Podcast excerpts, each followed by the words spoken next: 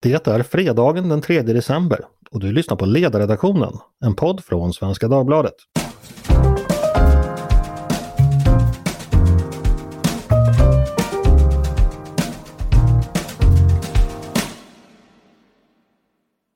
Dags för ännu en fredagspodd här i skymningslandet. Varmt välkomna ska ni vara.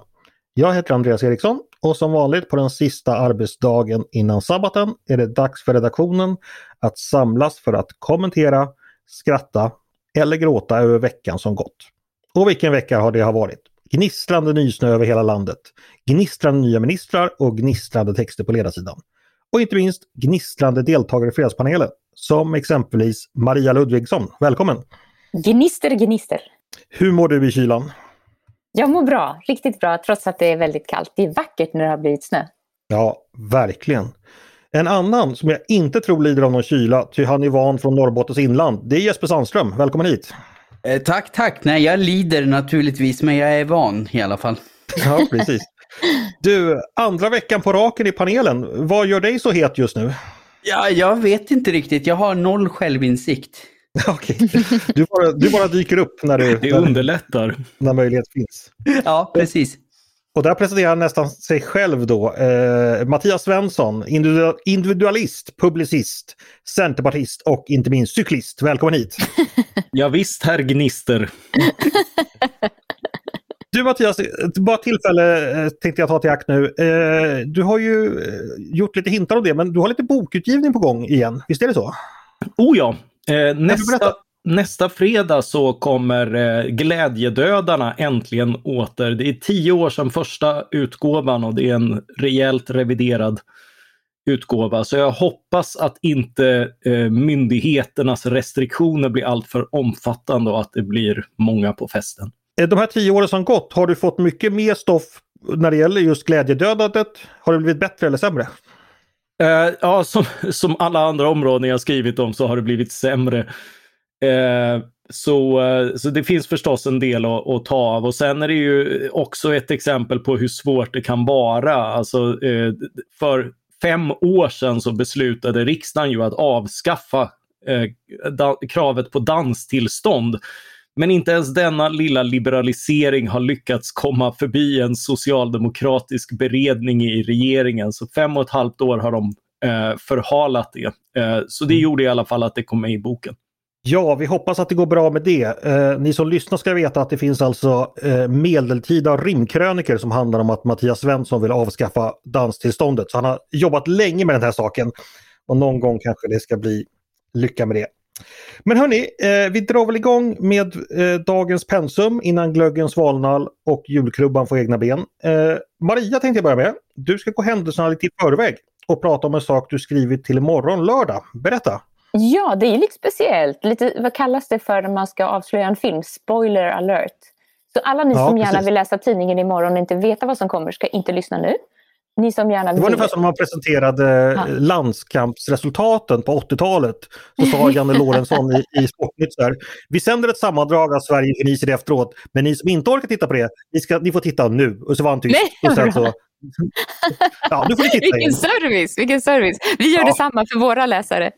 Jo, men det är nämligen Exakt. så att... Jag, ja, eh, jag, jag tittar regelbundet på det här 30 minuter med Anders Holmberg på SVT. Jag tycker det är det. riktigt bra journalistik. Han är, han är rätt säker och rätt tuff mot de som är där. De flesta som kommer dit är ju förberedda till tänderna. Nu i senaste veckan så var det Jakob Wallenberg som var där och eh, skulle tala om, egentligen så vet jag inte vad, vad huvudsyftet var med att ta dit honom, men jag tänker så här att om Wallenberg som alltid säger att de ska verka utan att synas, om de tar plats i ett sånt hett nyhetsprogram som 30 minuter, då är det som ett rop på hjälp ifrån näringslivet. Alltså förutsättningen att driva företag när vi knappt har någon el att tala om. Eh, de, när det är så svårt, då, då är det som att till och med Wallenberg måste uppsöka Sveriges Television, television och berätta om verkligheten. Så det tror jag var anledningen till det. Men då är det skarpt läge helt enkelt. Ja, precis. De var så illa tvungna. Men det som förvånar mig en smula och som faktiskt gör mig lite eh, bekymrad, det är att när man hör näringslivsföreträdare prata om marknadsekonomi och om företagsamhet så är de inte så bra på det. Alltså det finns alltid ett styng av dåligt samvete på något märkligt sätt i deras förhållningssätt till det. Istället så borde de säga visst, jag har blivit rik på det här, det borde fler få bli och därför ska, därför ska jag nu berätta om varför marknadsekonomi är bra. Men att det är lite för undfallande. Det där kommer säkert av medialogiken, att det är, man blir lätt skuldbelagd. Den som har pengar anses ha tagit det från någon annan och där i sin tur grundas ju i att det finns i Sverige en syn på ekonomi som ett nollsummespel. Så om, om någon får lite mera i sin, på sitt bankkonto så måste det betyda att någon annan har fått det mindre. Alltså den enes bröd är den andres död. Och det synsättet på mm. ekonomi är en vänsteranalys som det är Svenska Dagbladets ledarsida att informera om att det inte stämmer. Så det kommer jag göra på ledarsidan imorgon. Ja, det låter som du inte är helt nöjd med, med hur Jacob Wallenberg svarade i programmet, eller hur nej. tänker du? Ja, nej jag är, inte, jag är inte nöjd med det. Jag tycker att det är det är sådär, eh, alltså, går man in i en, en, studio med Anders Holmberg då bör man vara förberedd att det kommer vara riktigt knivigt. Eh, och han kommer vilja mm. få honom att säga fel saker. Och det, det är också, eh, han, han, han, får en fråga om om klyftorna är ett problem och, och, det undviker han att svara på. Han skulle ju kunna säga nej, det behöver inte vara ett problem om man kan ta, ur sig, ta sig ur, man kan flytta mellan de här olika skalorna då. Men istället så, så mm, hemfaller han då till att acceptera frågeställningen att det är ett problem med klyftor i sig och säger att eh, mm -hmm. det kan vi naturligtvis åtgärda i Sverige eftersom vi har en omfattande välfärdsstat och vi betalar mycket skatt. Så att på något sätt så köper han beskrivningen från Socialdemokraterna och håller med om det. Och det är synd. Men han kanske tycker så? Han kanske tycker så, eller? Ja, det kan han mycket väl göra, men, men då kan jag ifrågasätta om man tycker att det är bra som det är, då, då, då är det lite grann som att säga ja, vi har blivit rika men nu vill vi inte att andra ska ha samma chans att bli det, lika enkelt. Alltså, den, som, den som lever gott på marknadsekonomin tycker jag har en skyldighet att vara den första att försvara den. Just därför att vi andra mm som inte har kommit så högt upp i näringskedjan ska ha en möjlighet att påverka vår egen ekonomiska situation, vilket är mycket svårare i en blandekonomi än i en marknadsekonomi. Eh, Mattias, går över till dig. Du har ju jobbat i den sfären som näringslivet finansierar för sin opinionsbildning. Eh, det har jag också. Hur tycker du näringslivets eller näringslivsprofilernas egen kommunikation när de är i egen regi? Eh, ser du samma fenomen som eh, Mia pekar på här? Eh, ja, jag har ju inte sett eh, intervjun, jag tittar inte så ofta på, på statsmedier, men eh, det, eh, det finns väl en anledning till att eh, att, att vi har eh, arbetsdelning och, och, det är klart att det inte alltid är, är, lätt att svara men, men det är också liksom frågor som är svåra att, att, att svara på och bena upp. Jag tycker till exempel att det ofta finns ett missförstånd just för att vänstern är så extremt inriktad på utfall och på att utfallet ska mm. vara så jämnt som möjligt i, eh, i samhällsekonomin, eh, framförallt kring inkomster och så. Så eh, så får jag ofta påpeka att alltså min position är inte den omvända från din. Min position är inte att det är jättebra att det finns en massa ekonomiska skillnader, utan min position är att det är jättebra om en ekonomi är fri och dynamisk och att människor har eh, chanser att, eh, att jobba sig upp genom, eh, genom risktagande och annat och då kunna tjäna väldigt mycket pengar, till exempel på på innovationer där vi vet att den som uppfinner någonting väldigt eh, nyttigt för många andra får ungefär 2% av det och, och 98% tillfaller övriga eh, samhället. Om man, eh, det är William Nordhaus som har tittat på samtliga innovationer under stora delar av 1900-talet eh, utanför jordbruket. Och det är rätt mm. talande för en, en fördelning som man sällan talar om, att människor som tar stora risker med, med att utveckla nya saker berikar andra mycket mer än sig själva, även om de själva blir väldigt rika. Mm. Eh, tillbaks till dig Mia, ifall du hade så att säga, fått mediaträna Jacob Wallenberg eller haft ett samtal med honom innan, vad, hur hade du, vad hade du sagt till honom då? Vad hade du tryckt på att han borde få fram? Ja, då hade jag nog börjat med att säga att det här är det som de kommer vilja att du, att du ska säga.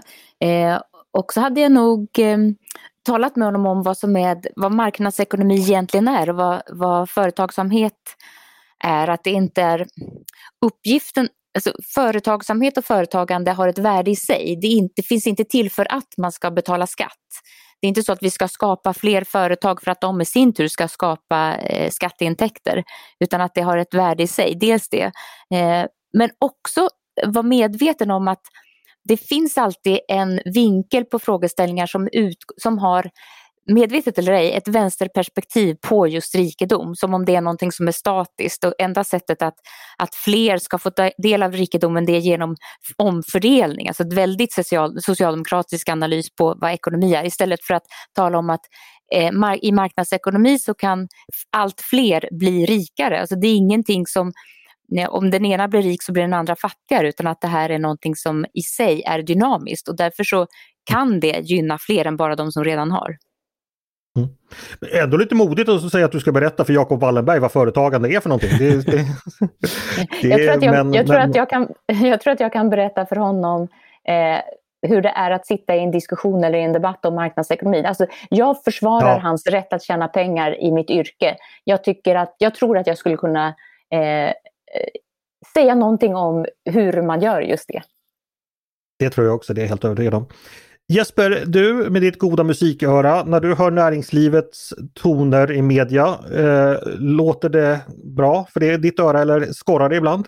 Nej men alltså jag, jag, tycker väl också det som ges uh, uttryck för här av Mia, att det finns ett något bristande självförtroende. Liksom, man, man mm. köper den här socialdemokratiska problembilden av att nej, men klyftor i sig är någonting dåligt, istället för att säga som det är, att men klyftor i sig behöver inte vara något dåligt, så, så länge det finns en möjlighet för alla att ta sig ur dem. Och jag tror att samhället vore bekänt av att näringslivet hade mer självförtroende i de här frågorna ja. och vågade säga att nej men alltså, all, alla de här nyttorna som en fri ekonomi, en marknadsekonomi ger oss, de är så stora så vi kan inte försaka dem för att få mer jämlika utfall. För det skulle nog med all sannolikhet göra oss alla fattigare. Jag skulle, jag skulle önska att, att fler som faktiskt själva har blivit rika kunde stå upp mm. för den analysen och inte lite skamset köpa sossarnas problembild. Mm. Ja, det finns eh. något så här, please treat me bad i det som jag har lite svårt för. Jag måste bara få bryta in och korrigera ett ord som jag hatar, klyftor. Alltså mm. klyftor är ju om du har någonting som inte kan överbryggas. Det är väldigt svårt att ta sig över en klyfta. Det är något helt annat än skillnader i utfall och det är yeah. klart att stora skillnader kan leda till att vi har klyftor. Eh, men men det behöver ju analyseras om det är så. Bara för att vi har skillnader betyder det inte att det finns klyftor. Eh, utan, mm. utan det är ju liksom olika saker som vänstern älskar att liksom förväxla. Eh, och, och likaså, finns det klyftor så beror de ju ofta på regleringar och restriktioner. Det gamla skråsamhället hade klyftor. Eh, sam samhällen med väldigt ofria ekonomier har klyftor. Samhällen där där vanligt folk inte kan registrera bostäder och, och starta företag och annat och, och, äga och disponera det officiellt annat än inofficiellt, eh, har klyftor. Ja, eh, bra, bra inspel Mattias, vi, vi, vi, vi ska ja. hålla oss från ordet. Eh, Förlåt, men... Nej, det, var, det var klyftigt sagt, jättebra. Eh, men Mia, eh, en sak, jag har ju i tidigare liv bland annat jobbat med mediaträning och jag tror redan på tredje sliden då så pratar man om så att vad medierna tycker om det är ju stor och liten, ond, god, rik, fattig, att det finns liksom en medialogik kring detta. Så att när en av Svenskt Näringslivs absolut eh, främsta och mäktigaste företrädare så har man ju så att säga en viss logik emot sig redan. Och det är ganska naturligt att en reporter då ställer frågor av den här typen den logiken kommer väl inte ifrån, eller är den fel? Eller hur, hur tänker du liksom kring den överordnade förförståelsen kring, ja. kring det här? Jo, jag har tänkt på den eh, och det, det, slår mig att det var en gång en eh, kommunalpolitiker i Stockholm som svarade väldigt bra på en mediafråga. Det var eh, Kristina Axén Olin när hon var borgarråd i Stockholm. Så hade, fick hon en sån här typisk journalistfråga som i grunden utgår från en vänsteranalys även om man inte, även om hon inte är medveten om det. Då svarade eh, Axén Olin så här, du ställer frågan fel, jag tror det är så här. Och att våga, mm. alltså att våga, dels ha förmågan att i en reporters fråga se att det finns en vinkel och sen våga ifrågasätta den. Det tror jag är en förutsättning för att klara en frågeställning. För annars kan man ju säga, har du slutat slå din fru? Frågor är är ju försmädliga och man måste nog innan sändning eh, dels ha en egen övertygelse, en egen idé om vad tycker jag är rätt och fel, vad tycker jag om marknadsekonomi i, den här frågan, i, den här, i det här sammanhanget. Eh, och sen också kunna bryta, alltså ifrågasätta själva premisserna för föreställningen, eller för, för frågeställningen. Mm. Och man, man, kan också eh, då inskjuta där att, att marknadsekonomin, även om den har gjort just honom, just Wallenberg, väldigt stor och stark, så är den ju också den mest fram, eh, framkomliga mekanismen för andra att bli starkare och för andra att nå ett större inflytande över sina egna liv. Så det, det, det, är liksom också den svages värn. Det behöver inte bli en David och Goliat situation om man inte låter det bli det. Precis så. Hörni, eh, vi ska gå vidare. Eh, jag tänkte vi ska vidare till Jesper faktiskt. Eh, du sa att du hade funderat lite över det här. Vi har ju haft en vecka då med en ny regering. Eh, vi ska återkomma till den. Men eh, det är ju så att i samband med att nya ministrar utses så är det en ritual i offentligheten då att man ska gå igenom gamla synder och värdera dem. Och vissa gamla synder eh, bedöms då väldigt allvarliga och då kan det bli avbön och kanske drev och andra ja, går man över. Och vi skrev faktiskt om det i veckan också. Eh, Peter Eh, Peter Wennblad som inte kunde vara med idag. Men du berättade för mig att du också hade funderat kring detta. Eh, så kör, kör igång!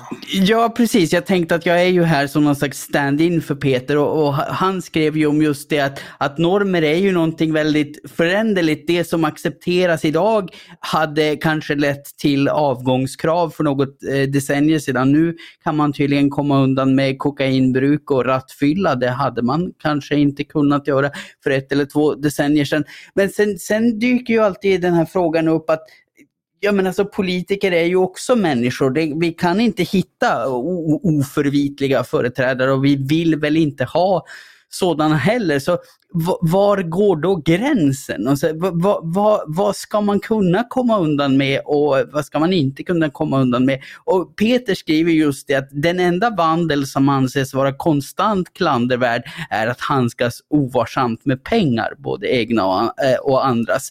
Och det här har ju Annika Strandhäll då fått hård kritik för, eh, för att hon har eh, haft betalningar som har gått till, till Kronofogden. Och jag tror att det finns en god anledning eh, att just det här oförmågan att handskas med pengar, eh, egna eller andras, att man tar särskilt hårt på det. Därför att det är ju något av det mest centrala politikerna gör anspråk på, att faktiskt få handskas med våra pengar. Och kommer det då något som antyder att man inte klarar av den uppgiften särskilt bra i det privata, ja då, då uppstår ju naturligtvis frågan, eh, kommer man klara av det i sin roll som politiker? Kommer man ta ansvar för, för de ekonomiska resurser man faktiskt har att förvalta. Och här finns det ju då en massa ursäkter till förmån för eh, Annika Strandhäll. Hon har gått igenom fruktansvärda saker privat och kanske av, av, av det skälet inte har kunnat ha koll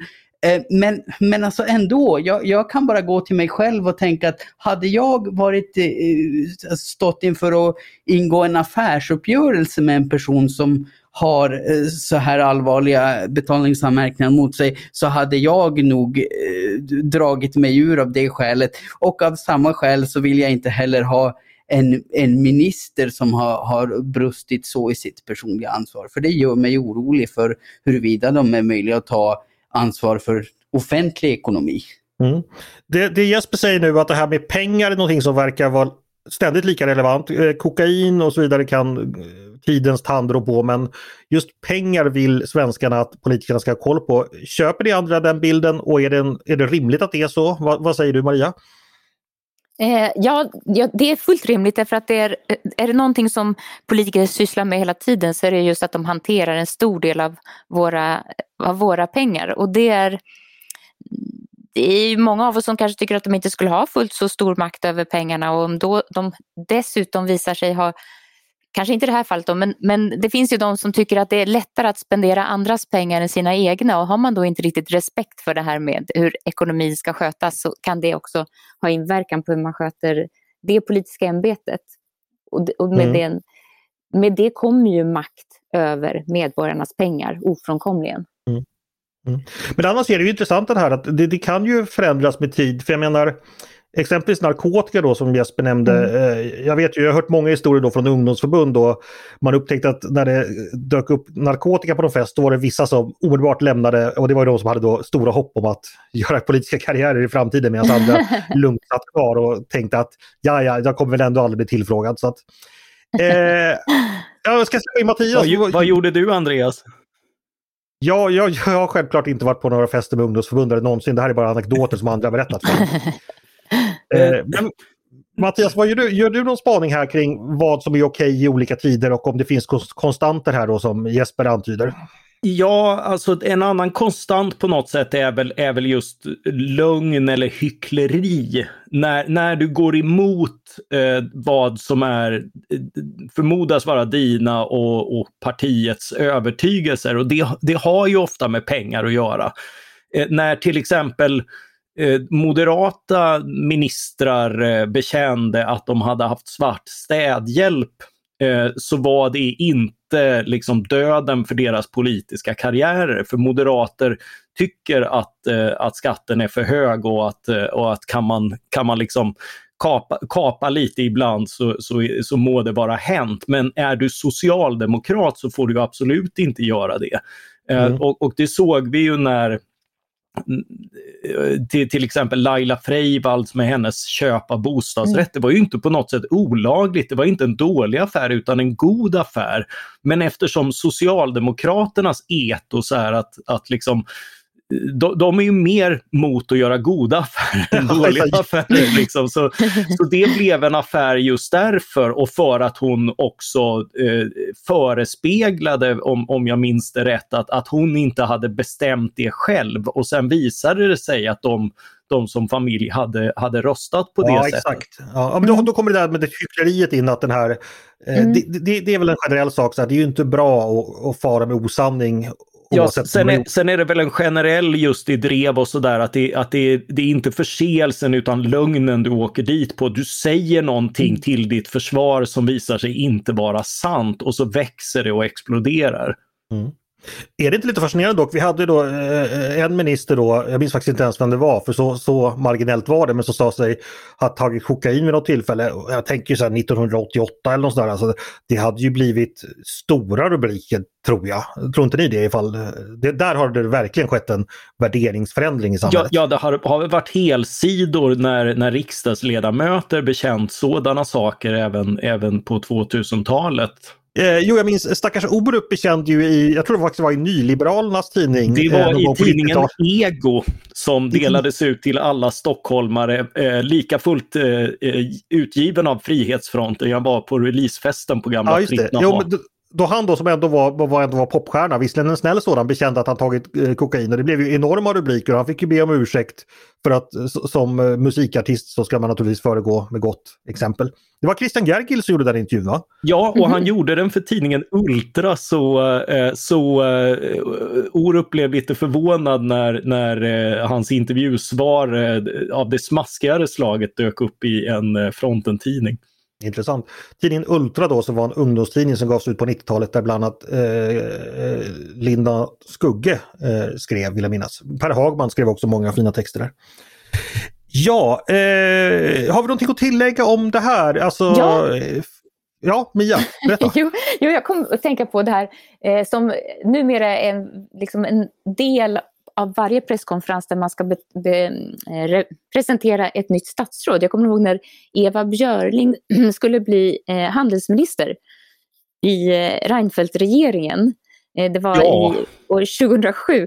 Och då så eh, var vi, jag var på, presskonferensen minns jag och så fick eh, Eh, Reinfeldt frågan då finns det några lik i garderoben och det hade han naturligtvis gjort, lärt sig läxan att det ska man kolla upp. Och då så drog han några saker, bland annat att hon hade en lila, om det kan vara en Porsche eller ja, någon sorts sportbil i garaget. Då. Och, och det, det blev så, så komiskt så att jag hade lust att säga åh, jag förstår, det är att den är lila som är problemet. Hur kan man ha en lila sån där snygg bil? Men det blir liksom alldeles mm. tyst. Inte, journalisterna kunde inte ens eh, ställa någon följdfråga. Men det tyckte jag snarare var ett uttryck för att nu har det gått lite för långt. Man, till och med, man, måste, man kan nästan inte komma på någonting. Man, har du en sportbil och är moderat, då, då bör du nog nämna det, för annars kommer de hoppa på det för det. Och att man dessutom går med på det och säger ja, det där ska, det är ju inte så bra att jag har det, det vill jag gärna att ni ska veta. Ja, det var väl något med registreringen har jag för mig som, som det hade slarvats med. Eh, och och eh, jag, jag, har för mig att han just tog upp det liksom, låt mig först gå in på det ni är intresserade av. Och så drog han hela syndakatalogen. Och mm. sen började han prata om hennes kompetenser och vad hon skulle mm. göra och sånt där. Liksom. Så, mm. så det, var, det var ju liksom oerhört snyggt mediehanterat. Mm. mm. Eh, Hörni, vi ska prata lite om den nya regeringen också tänkte jag. Eh, vi fick ju en sådan i veckan eh, och vi tog upp det i podden igår då vi hade några väldigt listiga och kunniga socialdemokrater som kommenterade det. Men jag är förstås nyfiken på vad ni tänker och tycker också. Eh, börjar med dig Mattias. Var det någon eh, minister eller någonting som skedde, skedde i samband med regeringstillträdet som förvånade dig eller som du tycker är värd att kommentera? Ja, jag tycker att det finns en hel del. Vi har ju några sådana här kommentarer från eh, Torbjörn Nilsson på vår politiksida till exempel. Men, men jag noterar ju att eh, Lena Hallengren blir kvar som, eh, som socialminister trots att hon liksom i den funktionen, liksom Morgan Johansson som justitieminister, Eh, de två har ju sett till att, att eh, den stora stenbumling som är narkotikamarknaden förblir orörd och otittad under genom att inte ens utreda svensk narkotikapolitik. Och det är ju förstås liksom en, en, en maktens arrogans och, och liksom en, eh, en punkt där, där talet om att vända på varje sten för att komma till, till rätta med gängkriminalitet Eh, och, och eh, segregation eh, blir, blir liksom futilt. Det, det, ja, det, det, det är liksom så arrogant att, att man liksom glömmer att ta upp det. Men hade du egentligen förväntat dig något annat? För alltså kokainministrar och sido att vända den svenska narkotikapolitiken är väl ingenting som kommer låta sig göras i en handvändning? Jo, jag tror att det kommer att vändas i just en handvändning och liksom över en natt, över en natt så kommer precis alla att låtsas att de tyckt så mm. hela tiden. Men fram till mm. dess så ska det liksom in, in, eh, insisteras. Och, och Eh, ty, tyvärr så har väl uttalanden funnits annorlunda, men jag har ju ändå förhoppningar på Magdalena Anderssons både intelligens och förmåga att titta utanför landets gränser där vi liksom numera bara behöver gå till Tyskland för att, att se att, att där finns en socialdemokratisk regering som tänker tillåta legal försäljning av, narkot av äh, äh, marijuana. Svensk politik som vänds under en natt och det omöjliga blir plötsligt möjligt. Det ja, har det har ju aldrig hänt förut, men man kan ju hoppas på det. eh, Mia, samma fråga till dig. Någonting som du ja. har tänkt på i veckan när nya ministrar har presenterats och regeringsförklaring och allting? Någonting du vill måste, lyfta? Ja, men jag gillar ju Kolle Thorvaldsson. Eh, kanske inte i hans senaste mm, roll, men däremot när han var ordförande i SSU så var han en riktigt intressant tänkare. Han var en av de som införde begreppet egenmakt i socialdemokratin. Det var på den tiden när det fanns en diskussion om civilsamhället och där man faktiskt kunde se att höger och vänster ibland möttes i det. Att båda tyckte att civilsamhället borde värnas. Eh, på högerns, I högerns sida tyckte man att status skulle dra sig tillbaka medan Socialdemokraterna menade att eh, business och sånt inte har att göra i, i det statliga eller i, i civilsamhället. Och där fanns det något intressant. Han, han eh, jag kan tänka mig att han eh, inledningsvis var för friskolor och så vidare därför att det gav mer makt än Hem och skola-föreningarna till föräldrarna. Alltså det, i, hans, eh, I hans ungdom fanns det något väldigt intressant i hans sätt. Sen tycker jag att han är en trevlig och rolig debattör. Det mm. går att, att ha en ganska hård diskussion med honom och ändå eh, ta det med humor. Men vad kul, då får vi mm. sätta vårt hopp till att det finns lite kvar av den där egenmakts politikern hos honom. Eh, Jesper, samma fråga till dig. Vad, vad, vad kände du att lyfta upp? Ja, alltså jag är väl inte lika pepp på Kolle. Det som har bränt sig fast i mitt huvud det var ju hans lilla brandtal om att inte en ärt svarta ska lämna Sverige. så det blir väl gammal god LO-protektionism på det området. Men, men sen så, alltså det, det som slår mig på något vis är att jag, för som vi har talat om i den här podden, Mattias har väl något av en hemlig crush på Magda och, och även vi andra tycker väl att, ja men liksom hon hon är ju uppenbart skarp. Hon är ju upp, uppenbart en, en smart och, och intelligent människa. Och jag, jag blir förvånad att hon har utnämnt till exempel en sån person som Annika Strandhäll och också nya energi och digitaliseringsministern Khashayar Farmanbar. För att jag, jag tänker mig att Magda själv borde uppleva att de här personerna ger ett svajigt intryck när de ska uttala sig i offentligheten. Strandhäll när hon hade noll koll på kärnkraften och eh, Khashayar när han sa att ja, vindkraft är väl lika planerbar som vilken annan, vilket annat energislag som helst. Vilket ju uppenbart inte är sant. Och då, man undrar liksom, ja men vad, vad, vad, har de här människorna för meriter som gör att de kommer vara bra på att ansvara för sina respektive politikområden? Jag har svårt att se det och jag har svårt att se vad Magdalena Andersson ser i dem. Två svaga kort tycker sig alltså Jesper ha identifierat. Vad säger ni andra? Håller ni med? digitaliseringsministern är ju, eh, eh, han är ju inläst på, på eh, det området i alla fall. Eh, sen, sen så har han ju mindre lyckade uttalanden på energiområdet och eh, det är ju, det är ju förvisso illavarslande eftersom det är den, den stora biten. Eh, det är svårt att ha en fungerande digital infrastruktur utan el. Mm, så är det. Mia, vad tänker du? Jo, men jag gillar ju statsministern, eh, hennes attityd här att hon, hon vägrar att svara på frågor om hur känns det nu och sånt och säger bara att ja, mina känslor kanske inte är så vidkommande och sådär. Det finns någonting rejält över henne som jag tycker är befriande. Eh, och jag tror inte att hon är så tilltalad av detta eviga prat om att hon är kvinna och att det är det som på något sätt skulle göra henne särskilt eh, lämplig som statsminister. Eh, mm. Men, men däremot så, så, har jag ganska tydlig bild av att hon är ju rätt vänster. Alltså hon är en sån här riktigt vänstersosse. Det är inte någon pragmatisk före detta kolle-attityd att man kanske ska vara lite försiktig med delar av samhället som idag staten eh, har lagt sig i och dra sig tillbaka. Utan hon är ju en riktig sån där, ju mer politik desto bättre. Eh, och får vi höja skatten bara tillräckligt så kommer, alla, kommer allting att kunna finansieras med de så kallade rikas pengar. Så det, det finns en riktig vänsterideologi i, i grunden där. Det, det gillar ja, jag Ja, det var ju inte. nästan Juholtskt i, eh, ja. i talet. Det var liksom ja.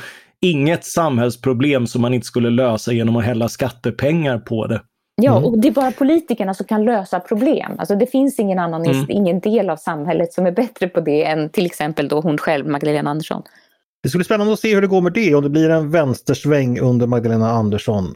Eh, vi ska gå vidare eh, till kvällens sista ämne faktiskt. Då ska vi vända oss till dig Mattias. Det finns ju ett regeringsalternativ på, på högerkanten också. Eh, och en viktig beståndsdel i det är ju eh, som underlag är ju Sverigedemokraterna som då hade sitt, eh, sina partidagar, eller vad det kallas, eh, förra helgen. Och ett stort ämne då var ju det, det som kallas återvandring, eh, vilket har också debatterats i veckan. Återvandring som vissa ser då som eh, folkfördrivning och etnisk rensning medan andra ser det som att, eller ja, när man påstår sig se det att det handlar inte om så kontroversiella saker utan mer en liten nudge för att eh, få folk att trivas bättre och kanske åka hem. Eh, du har skrivit om detta i veckan, vad tänker du? Eh, jo men det är ju eh, alltså an, anledningen till att, att eh, de kan profilera sig i den här frågan är ju just att, eh, att du kommer undan med eh, att, att, att liksom all, all form av kritik kan hänföras till att det här är fullkomligt okontroversiellt eftersom vi tänker oss att det ska vara frivilligt. Mm. Eh, och, eh, och det har ju funnits länge, det har funnits sedan 80-talet, det har drivits av, av eh, diasporor, invandrarföreningar och sådär på 90-talet. Eh, väldigt populär idé. Eh, men mer i teorin än i praktiken därför att det har ju visat sig då att, att, att det är ganska få som, som nappar på det här. Eh, vilket förstås har med en massa orsaker att göra. Att Sverige är ett rätt trevligt land, att människor hinner rota sig, skaffa barn som föds och växer upp här. Eh, men också att, eh, att eh, länder man flyr ifrån tenderar att vara oroshärdar länge och att att liksom den, den, som har blivit förföljd och illa behandlad i ett land är kanske inte så pigg på att återvända till det landet och tycka att man är skyldig dem en massa saker. Eh, så, eh, så, så, intresset är inte så stort på frivillighet, vilket gör att, att det här är absolut inte en lösning på, på någon form av integrations eller annat samhällsproblem som, eh, som, som Sverige eh, sitter på. Men vad, vad, man då samtidigt försöker hinta om är ju då att, eh, och, och, man har en massa väljare som helt klart förväntar sig att, eh, att, att liksom de kommer att börja skicka ut folk utan frivillighet. Att, att liksom, ha, han, handlar om den typen av, av saker. Eh, och eh, då blir det förstås allvarligare, särskilt om det handlar om, om medborgare i ett land som ska behandlas olika beroende på, på liksom härkomst och, och hudfärg och annat. Eh, och, och dessutom att, att statens tvångsapparat ska handla om att skicka ut folk som, eh, som inte är eh, ja, som inte är brottslingar eller något sånt där utan, utan, utan som, som bor här. Eh, och, och, och den här det är ju liksom så väldigt vagt just för att Sverigedemokraterna säger en sak till kritiker, nämligen att det är frivilligt, och en annan sak genom sin tystnad gentemot sina, sina, eh, de, de väljare som önskar mer, så, så får de in liksom att då fångar de båda grupperna samtidigt som de slipper kritik. Så på så sätt är det ju en strategisk fråga de har valt samtidigt som, eh, som liksom den inte funkar i praktiken. I Danmark finns ju en återvandringspolitik, eh, en uppsökande sådan, eh, har funnits sedan några år där man då helt enkelt får, eh, ja, man hör av sig till folk då som man bedömer inte har, jag vet inte exakt vilka kriterier man har, men där man då säger att de här möjligheterna finns och sånt. Jag vet inte om det är det Sverigedemokraterna tänker sig. Hur skulle en sån verksamhet, hur, hur ser du på en sån Mattias? Ja, alltså det, det här blir ju väldigt noga kring hur man gör det. Mm. Eh, alltså eh, är, det, är det liksom eh, jag får ju lite grann, Ronald Reagan sa en gång alltså, att, att de ni, nio mest skrämmande orden på engelska är jag kommer från staten och jag vill erbjuda dig hjälp. Uh, och lite grann så här, jag, jag, kommer från staten och jag vill erbjuda dig att flytta hem uh, om det kommer från en sverigedemokratisk regering. Det är ju svårt att tänka sig att ett erbjudande som kommer med, med genuin uh, uppriktig välvilja. Nej. Utan det är ju snarare ett önskemål från, från den typen, från de som har röstat på Sverigedemokraterna om att slippa se, se andra människor här. och, och liksom blir det ett sånt tryck försöker man liksom jävlas med folk på stora och små sätt och ha liksom en, en stat där, där majoriteten jävlas med minoriteten tills de inte står ut längre och, och, sen, eh, och sen liksom tycker att ja men då har vi här en, eh, eh ett sätt att, att sparka ut dig. Då, då får vi ju ett ganska olidligt eh, och, och farligt samhälle där statens våldsmakt används mot mot fredliga människor på, på ett sätt som inte eh, görs. Men, men samtidigt liksom eh, handlar det om människor som genuint kört fast i ett utanförskap, i ett bidragsberoende, i, i liksom en, en tillvaro som alls inte blev vad de tänkt sig. Eh, så kan man ju också tänka sig att det här för några skulle kunna vara en, en genuin möjlighet eh, och, och att det kan utformas på, på ett klokt sätt. Okej, så du är inne på återvandring men med förnuft? Eh, ja, det måste man ju vara därför att det är en mänsklig rättighet att kunna lämna ett land och, eh, och liksom människor som har fastnat i, i ett, ett djupt bidragsberoende behöver kanske en, en genuin hjälp och omtanke att, att kunna göra det. Men det handlar ju verkligen om att, att det är uh, av, avsikten och, och liksom intentionen. Okej, okay. men om Sverigedemokraterna in, inte riktigt menar det. Eh, så är det ju så att det här är en fråga som jag antar kommer dyka upp i förhandlingar med Moderaterna och Kristdemokraterna. Hur ska de två partierna förhålla sig till detta? Ja, men det, det handlar ju precis om att, eh, att kunna hålla... I, I budgeten till exempel har man nu, eh, använder man eh, man avsätter en bit av budgeten för att kunna liksom, eh, stödja de som önskar flytta tillbaka och det det har jag svårt att se, se liksom en, eh, som, som en skiljande fråga och det är ju det försåtliga med det här. Liksom, att, att det, det, finns ju genuina avvägningar som också den, den som har de bästa avsikter behöver göra kring det här. Men, men det gäller ju att samtidigt liksom inte hamna på ett sluttande plan mot att börja förfölja människor. Mia, vad säger du? Ja, jag, jag tycker det här är, eh, det, det, det, det, är flera saker det här som får mig att reagera. Dels själva uppfattningen om att man ska eh, bli av med folk på något sätt. Vi ska uppmuntra dem till eh, att inte vara kvar här längre. Och då undrar jag, är det grunden därför att man tycker att de utgör en kostnad? Det skulle man kunna tänka sig då, att det här blir för dyrt för alla eh, som redan finns här och sådär. vore. Men i sådana fall, om det är det som är anledningen, då kan man ju börja titta på eh, sedan länge eh, svenskar som också kostar pengar då, som inte bidrar mer utan som, som kostar mer i, i bidrag än vad de betalar in så att säga. Då, då blir ju frågan, ja, det, det, vill man ju naturligtvis inte. Och, och, är det då så att ja, men det är bara folk som kostar och som eh, kommer från ett annat land som vill bli, vi vill bli av med. Så jag förstår liksom inte, för utgångspunkten är att man ser medborgare eller invånare som en kostnad för staten. Eh, och så måste man balansera det på något sätt så då ska vissa uppmuntras att försvinna härifrån. Så det, ja, I grunden så finns det ju här, tycker jag det avslöjas, en vilja att bli av med de som inte kommer ifrån Sverige från början. Och då kan man också tänka sig att det är säkert inte alla, om de kommer från Amerika eller Norge eller vad det kan vara, då är det kanske mindre aktuellt att, uppmuntra dem. Så det, det, jag tycker det är svårt att få någonting riktigt fräscht i detta. Det finns någonting som ligger bakom, så en önskan om att bli av med dem som inte är riktigt som vi. Och där, då kan man ju säga, det andra sättet, det, en annan lösning på detta, det är ju att säga att ja, men om vi inte gör det så enormt attraktivt att komma hit, om vi inte har en välfärdsstat som betalar människor för att eh, gå och göra ingenting, så är det klart att då är det också ett sätt att se till att, att det inte blir så populärt att komma hit. Å andra sidan då kommer du hit och så ska du ha rätt att försörja dig. Mm. Eh, vad säger du Jesper, har du, har du några inspel här? Jag reagerar väl eh, lite på samma sätt som Mattias får jag säga. att det, det, är ju, det är ju rimligt naturligtvis om, om det är så att folk har kört fast här och sitter fast i utanförskap och inte har några rimliga sätt att ta sig ur det. Eh, så, så, så, är det naturligtvis en framkomlig väg eh, att, att de istället får stöd till att åka hem till sitt hemland där de, där de kanske har bättre förutsättningar att bygga ett bra liv. Eh, om, om det nu är så att liksom, den situation de flydde från där har, har förbättrats. Men samtidigt så finns ju den här risken just att det, det blir ett sätt att bara jävlas med folk som man inte vill ha här och, och, och man har kanske ganska unkna motiv till att inte vilja ha dem här.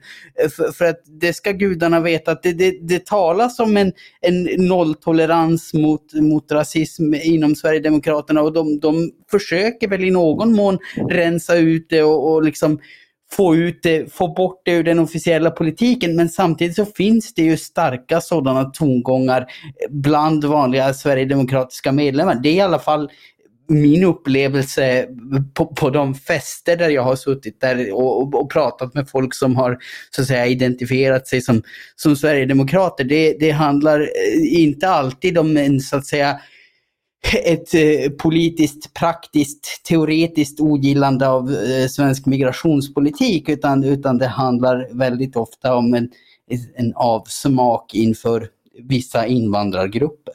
Mm. Hörrni, vi ska ta och runda av faktiskt, vår tid håller på att ta slut. Eh, ska vi ska bara avsluta med en sån här liten trevlig rundfråga vi brukar ha på, på fredagar. Och idag så har jag faktiskt låtit mig inspireras av det här med regeringsbildningen och det ceremoniella sökandet efter lik i garderoben eller skelett i garderoben. Det är för övrigt aldrig någon som har haft ett konkret lik eller skelett i garderoben, tror jag inte. För det skulle vara, vara fruktansvärt. Men vad kan du förlåta av de här vanliga politiska liken i garderoben? Vad, vad, vad tycker du är okej att man fortfarande, som idag ofta fördöms? Har du någon... Mm, som vi, ja, men jag, jag, tror nog att det, det, är snarare sånt där som är liksom tydliga uppenbara karaktärsbrister. Det skulle jag ha svårt för.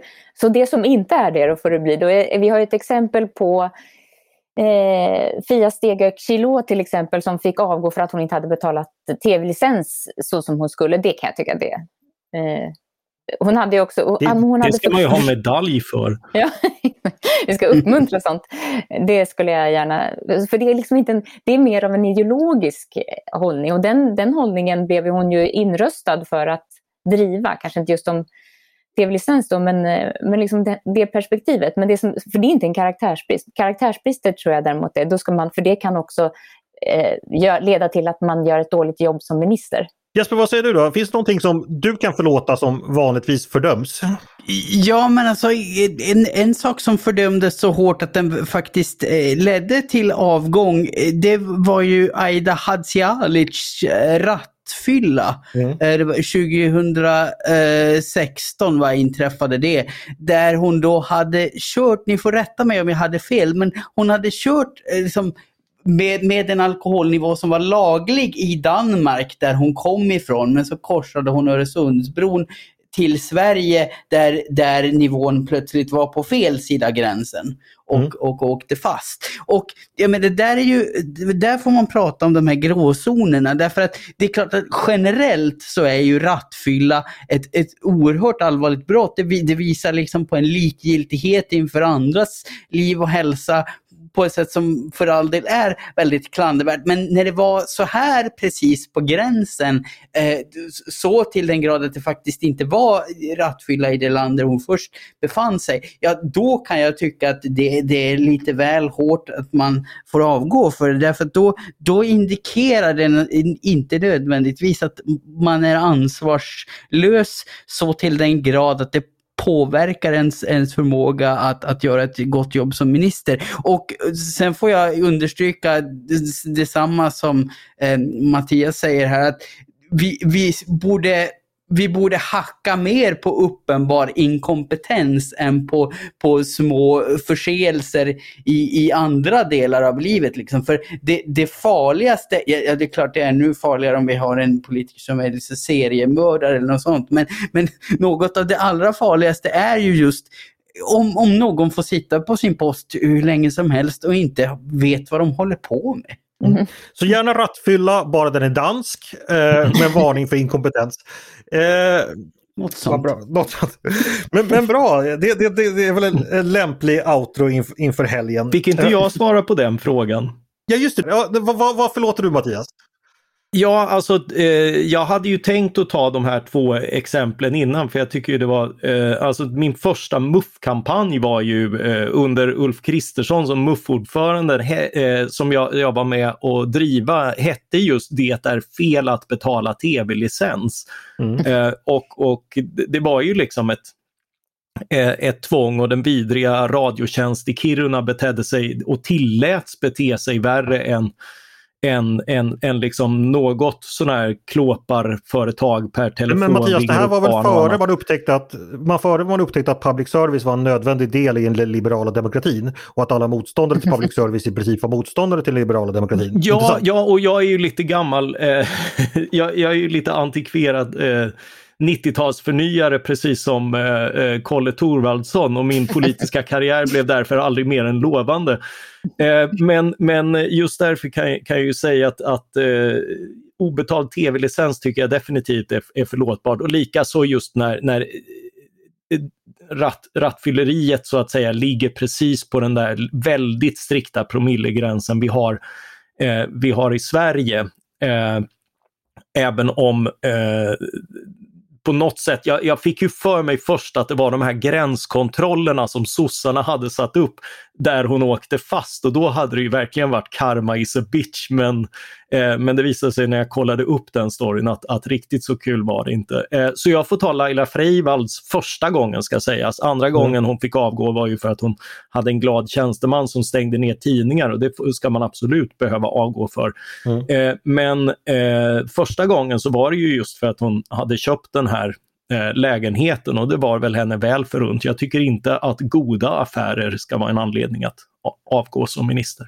Gör goda affärer, eh, superfulla i Danmark och betala inte tv-licensen. Eh, jag, vill, jag vill skjuta in det bara att jag bedrev också kamp mot eh, tv-licensen. Det var på rent personligt plan för jag tog så illa vid mig när de ringde upp och ställde insinuanta frågor så att jag startade upp det lilla projektet CP-tjänst för fria och oberoende CPn och det finns det rester av på, på Youtube fortfarande för den, som vill, för den som vill uppleva mina indrivningssamtal till just Radiotjänst. Då får det bli ditt fredagstips då. Googla CP-tjänst för att ja, hitta precis. något roligt. Precis. Hörrni, nu börjar På spåret snart här. Nu får vi ta och eh, avrunda för idag. Eh, varmt, väl, varmt tack för att ni var med eh, Jesper, Mattias och Mia. Tack, tack. Tack. Och ha nu en riktigt trevlig helg. Och detsamma önskar jag förstås er, ni som har lyssnat. Ha en jätteskön helg. Eh, och tack för att ni lyssnat på Ledarredaktionen, en podd från Svenska Dagbladet. Hör jättegärna av er till redaktionen med tankar och synpunkter eller om det är så att ni vill bekänna egna skelett i garderoben. Eh, eller om ni har idéer och förslag på saker vi borde ta upp i framtiden. Bara att mejla då till ledarsidan svd.se. Dagens producent, eh, det är han som förespråkar dansk rattfylla, nämligen Jesper Sandström. Eh, själv heter jag Andreas Eriksson och jag hoppas att vi hörs igen snart.